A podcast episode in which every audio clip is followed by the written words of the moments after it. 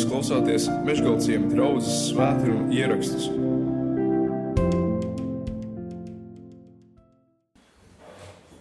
Kādus vairākus gadus pirms pandēmijas sākuma mēs mūsu draudzē, kā svētdienas skolas turpinājumu, tiem bērniem, kas sāka iziet ārā no it sevišķi puiši, kas, kas paaugās un sāka iet ārā no tā vecuma, kad vienkārši sēdēja Eh, bija gatavs sēdēt svētdienas skolā pie galda, klausīties un zīmēt kaut ko, ja? tad mēs priekš viņiem veidojām tādu pusauģu sportu.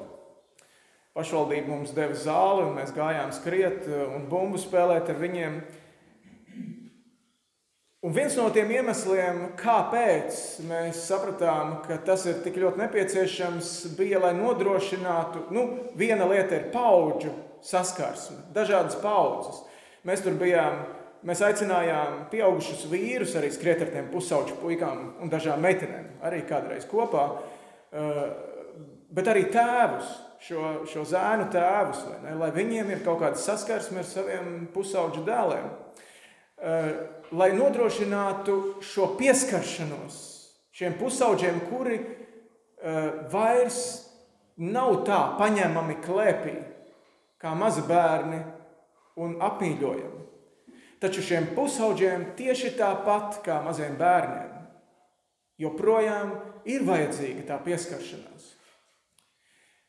Un ja pusaudzis saņem savu pieskārienu porciju katru dienu, ja tā var teikt, tad viņš aug un attīstās stabils. Viņš ir līdzsvarots un viņš ir mierīgs un drošs par to dzīvi, kādu viņš dzīvo. Ja mēs pusauģiem nepieskaramies, tad es domāju, es neesmu psihologs, bet man tā šķiet, ka viņi paši uz to provocē. Un viņi bez vārdiem saka, kaut vai ar sāpēm, kaut vai sāpīgi, bet man šis pieskāriens ir vajadzīgs. Un šeit radās tā pusauģa vardarbība, par kuru mēs tik bieži vien dzirdam šajā laikā mūsu zemē. Iespējams, ka saknes ir tur. Mūsu dienās, protams, mēs dzīvojam laikā, kad pieskārieni ir arī bīstama zona. Atliek tikai mazliet neuzmanīgāk to izdarīt, un tu saņemsi tādas apsūdzības par uzmākšanos, uzmākšanos ka maz neliekās. Un es pieļauju, ka lielā daļā šāda veida pieskārieniem ne, un šāda veida apsūdzībām varētu būt arī savs pamats. Taču man šķiet, ka notiek arī tas, ka reizē ar netīro ūdeni mēs bieži vien izlējam arī to bērnu laukā. Jo pieskāriens šā vai tā, viņš katram no mums ir vajadzīgs. Un tāpēc varbūt tā ir dīvaina rakstu vietas izvēle. Jūs teiksiet, ka Pāvils saka, attiecībā uz to, ko jūs man rakstījāt, tātad korintieši acīm redzot, pirms tam viņam kādu vēstuli vai vēstules ir rakstījuši ar jautājumiem. Pāvils saka, cilvēkam ir labi sievu neaizskart. Mums ir jāsaprot eh, konteksts. Eh, ka viens bija tas, ka tā, tas bija vajāšanu laiks, kas bija nācis arī par draugu. Un, protams, ja tev kā vīrietim ir sava sieva vai sieva ir vīrs, eh, tad savā veidā tu neesi tik elastīgs, lai lai, piemēram, vajadzības gadījumā tu sakravātu savu somiņu un bēgtu vai pārceltos, vai, vai ne? Tu esi mazliet sasaistīts. Tev ir jāskatās arī uz savu ģimeni, uz saviem tuvākajiem cilvēkiem. Un tāpēc saka, šī laikā Pāvils saka, es, es, es, es saku, ir labi sievietei nepieskarties. Ne? Tādā nozīmē, ka meklēt kaut kādu laulību. Tāpat par Pāvilu domā, ka viņš varēja būt atraitnis. Tāpēc, ka Pāvils nekur jaunajā darbā, nevienā vēstulē nepiemina savas kaut kādas ģimenes saites. No vienas puses, viņš būdams rabīns, būdams farizējs, viņam pēc tā laika noteikumiem viņam būtu bijis vajadzē, vajadzējis būt bijušam precējušamies. Cik sarežģīti man sanāca. Ja? Viņam vajadzēja būt laulībā, kā rabīnam, kā farizējam. Tāpat laikā viņš nekur šīs saites nepiemina. Un tāpēc ir tā doma, ka iespējams, ka viņš varētu būt uh, atraitnis uz šo brīdi.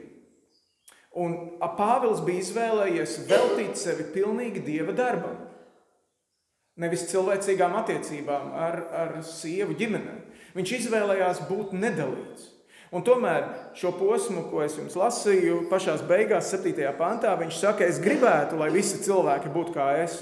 Un tomēr katram tur ir sava dieva dota dāvana. Vienam tāda, vienam tāda. Katram tur ir jāsaprot pašam, kā viņš ar to apietās. Jo Pāvils apzinās to, ka Dievs mūsos katrā ir ielicis tieksmi pēc otra cilvēka. Mums katram ir tieksme pēc kāda tuva cilvēka, kuram mēs varam uzticēties, kuram mēs varam piespiest savu plecu. Ēdenē, tad, kad, cilvēks, eh, kad Dievs radīja cilvēku, viņš no sākuma lika dzīvniekiem pieiet pie cilvēka klāt. Žirafei, zilonim, kanāriju putniņam, pelēji, varbūt sunim. Un cilvēks viņus visus nosauca vārdā un tā tālāk, bet viņš neatrada palīgu. Līdz kamēr Dievs radīja sievieti. Ādamam bija nepieciešama šī kompānija. Viņam bija nepieciešams šis otrs cilvēks blakus. Tāda ir Dieva ielikta kārtība. Ne? No otras puses, Pāvils arī apzinās to, ka mūsos ir ielikta grēka tieksme pārkāpt robežas.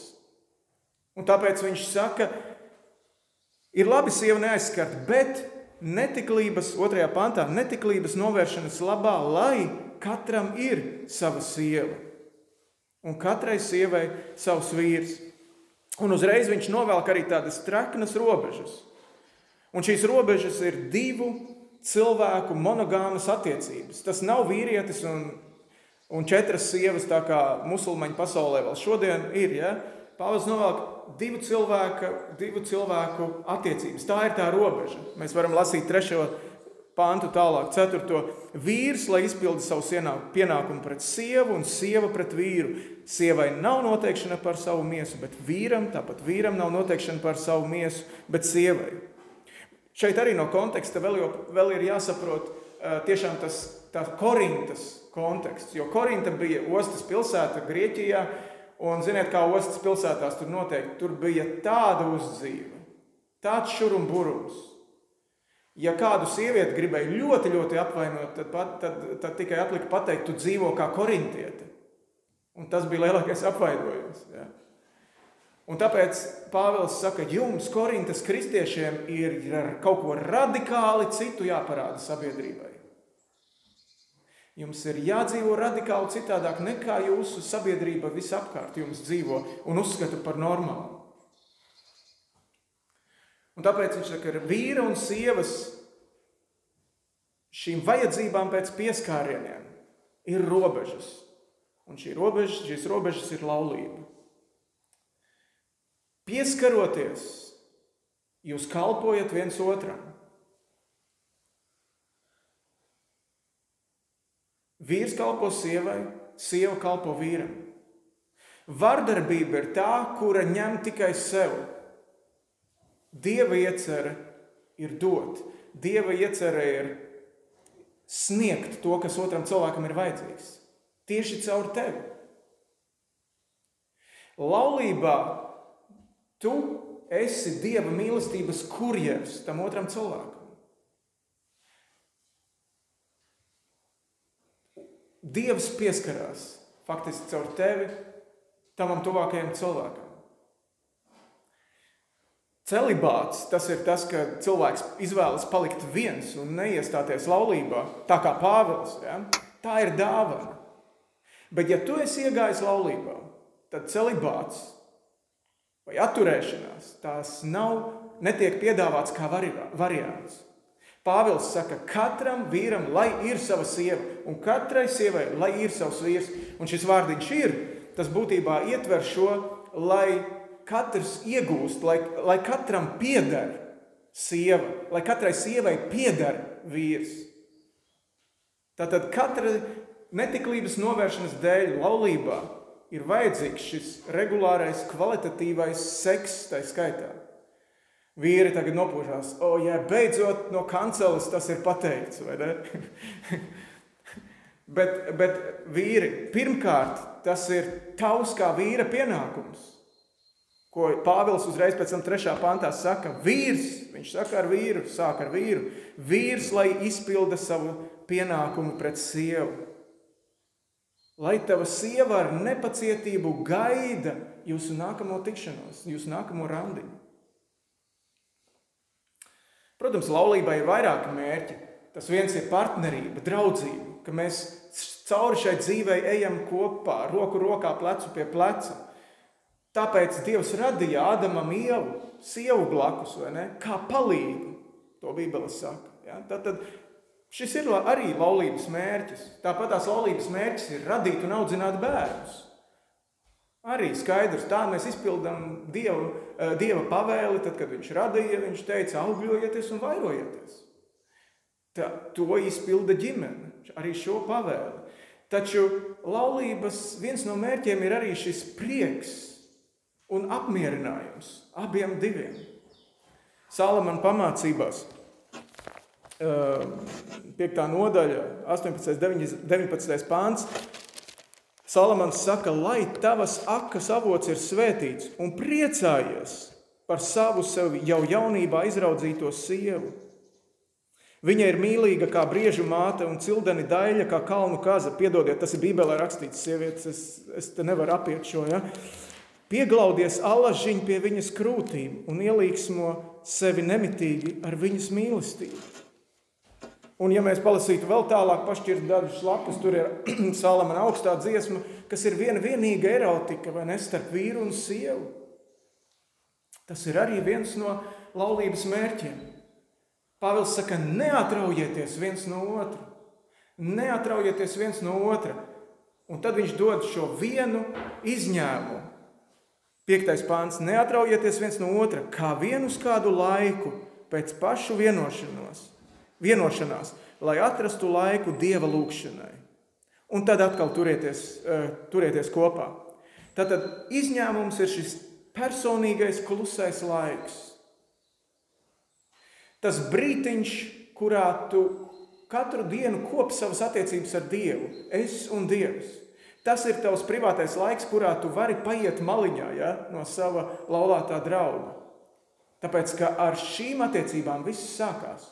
Ar tavām attiecībām ar Dievu.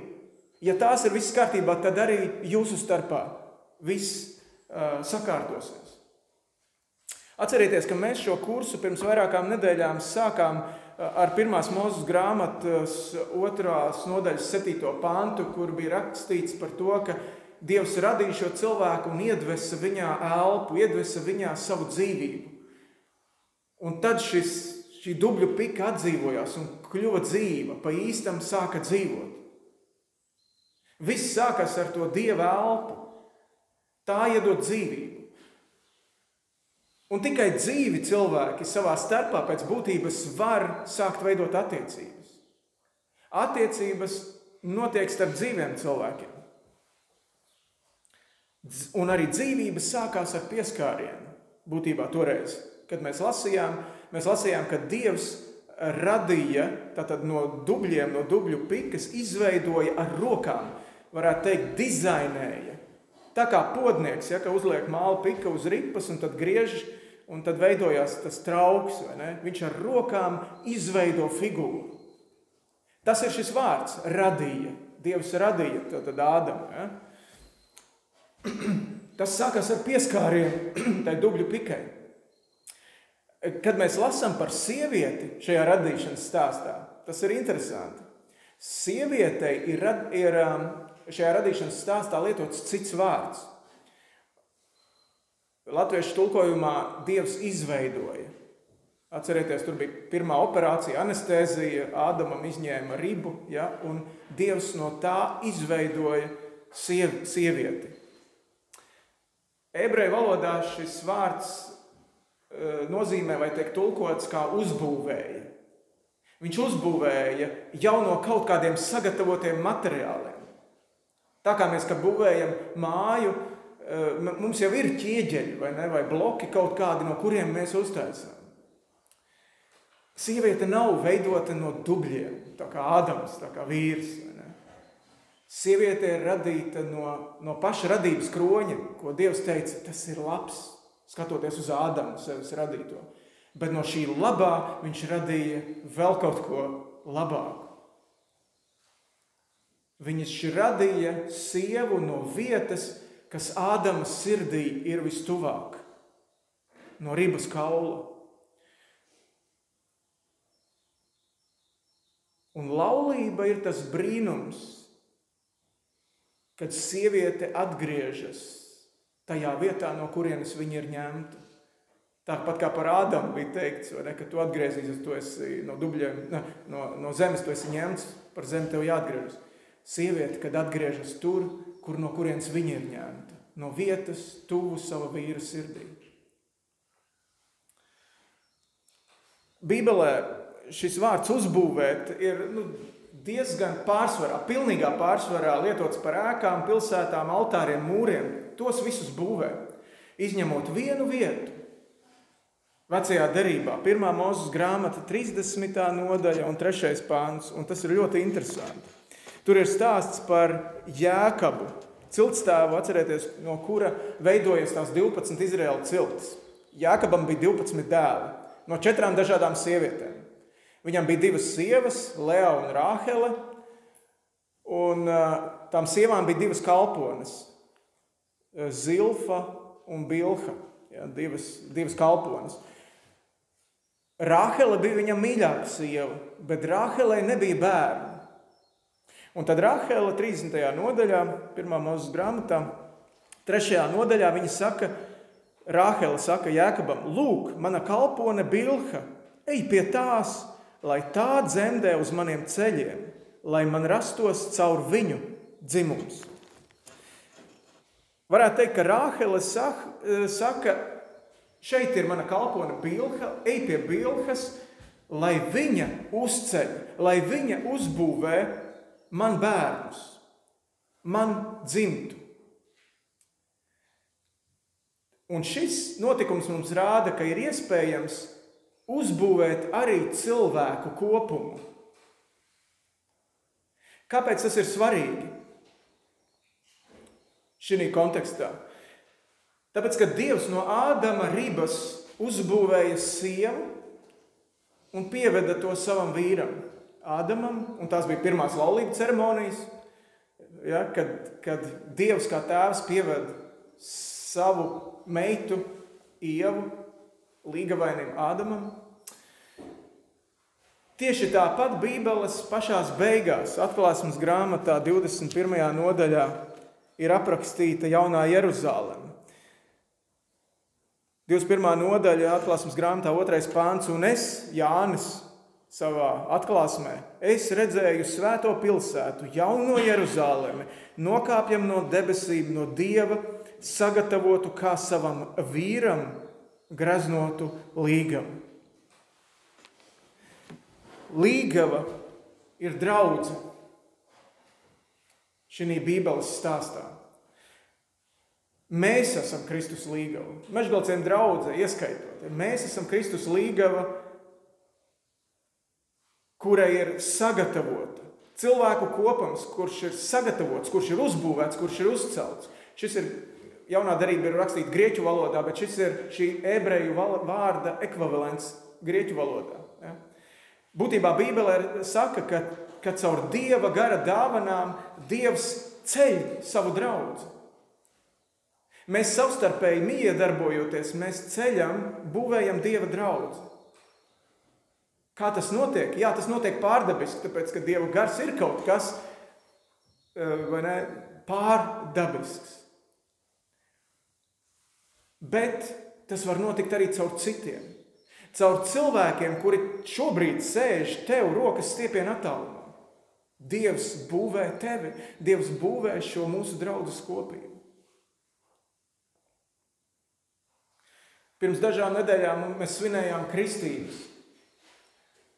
Un es domāju, Justs un Kristīna, vai ne, kad pievienojās mūsu draudzēji, Man ļoti patika arī Kristīnas liecība, ko viņa pirms tam teica, ka, ka tas pirmais, kā viņa nonāca ja, līdz glābšanai, bija, bija cilvēku liecības.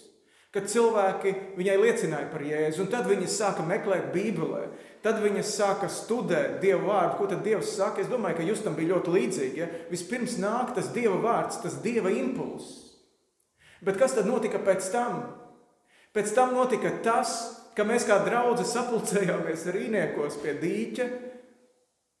Es kā jūsu pilnvarots, aicināts Dieva vārda kalps, es vedu šos cilvēkus ūdenī. Es viņiem pieskāros, teicu šos pasludinājumu un svētības vārdus. Es ar šo pieskārienu iemērcu viņus ūdenī. Un tad, kad, mēs, kad viņi atnāca un stāvēja šeit draudzes priekšā, Tabita un, un Monta vai ne pieskārās kristīdei, uzlika viņai rokas, es liku justam uz pleciem rokas. Mēs pieskārāmies viņam un teicām, jūs esat mūsēji, mēs aizlūdzam par jums. Jūs tagad esat daļa no mums.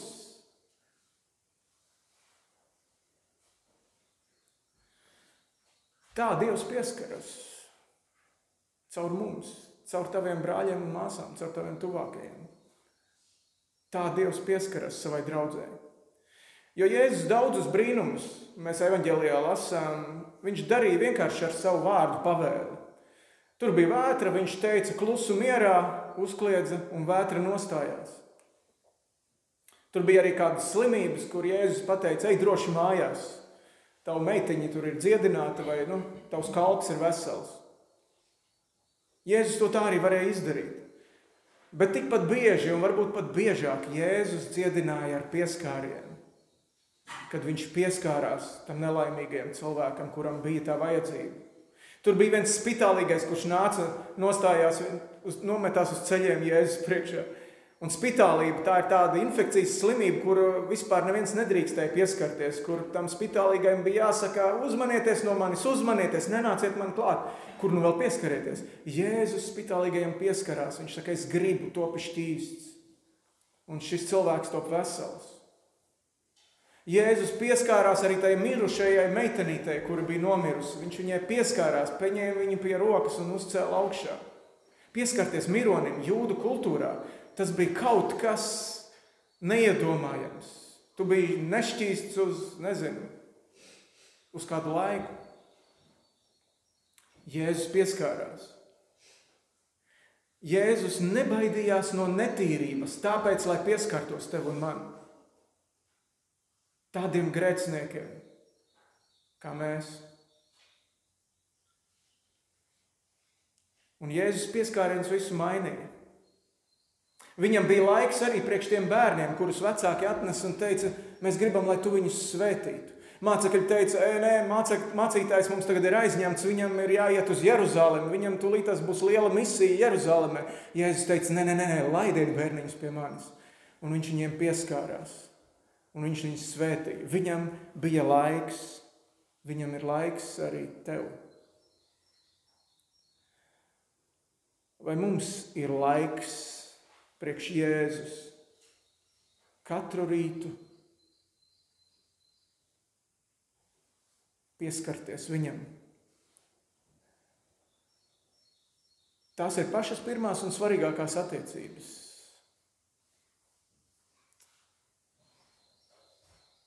Ja tās būs kārtībā, tad arī pārējās sakārtosies. Vai tev ir laiks pieskarties savai sievai, veltīt viņai nedalīt uzmanību. Vai sieva tev ir laiks pieskarties, kad tu pieskaries savam vīram? Vai tev ir laiks apgādāt viņu ar viņam nepieciešamo tuvību vai viņai nepieciešamo tuvību? Vai mums kā vecākiem ir laiks pieskarties saviem bērniem, saviem pusauģiem.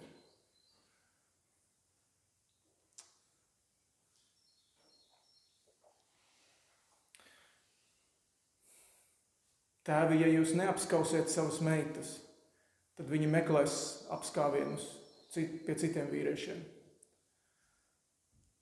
Mātes, ja jūs neapskausiet savus dēlus, viņi meklēs citu sieviešu apskāvienus.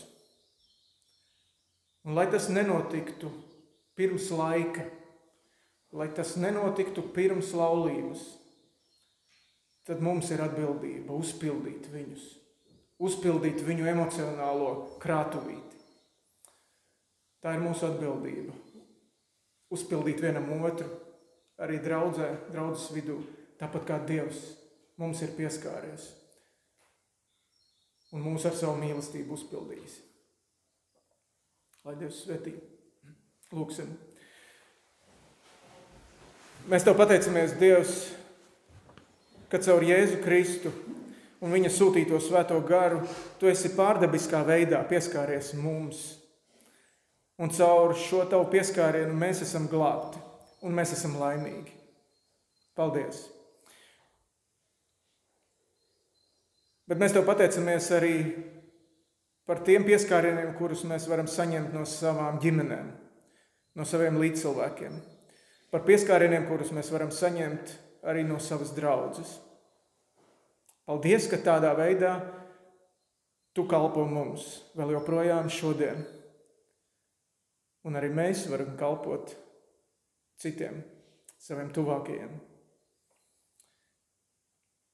Cel savu draugu būvētoja vēl joprojām par skaistu līgavu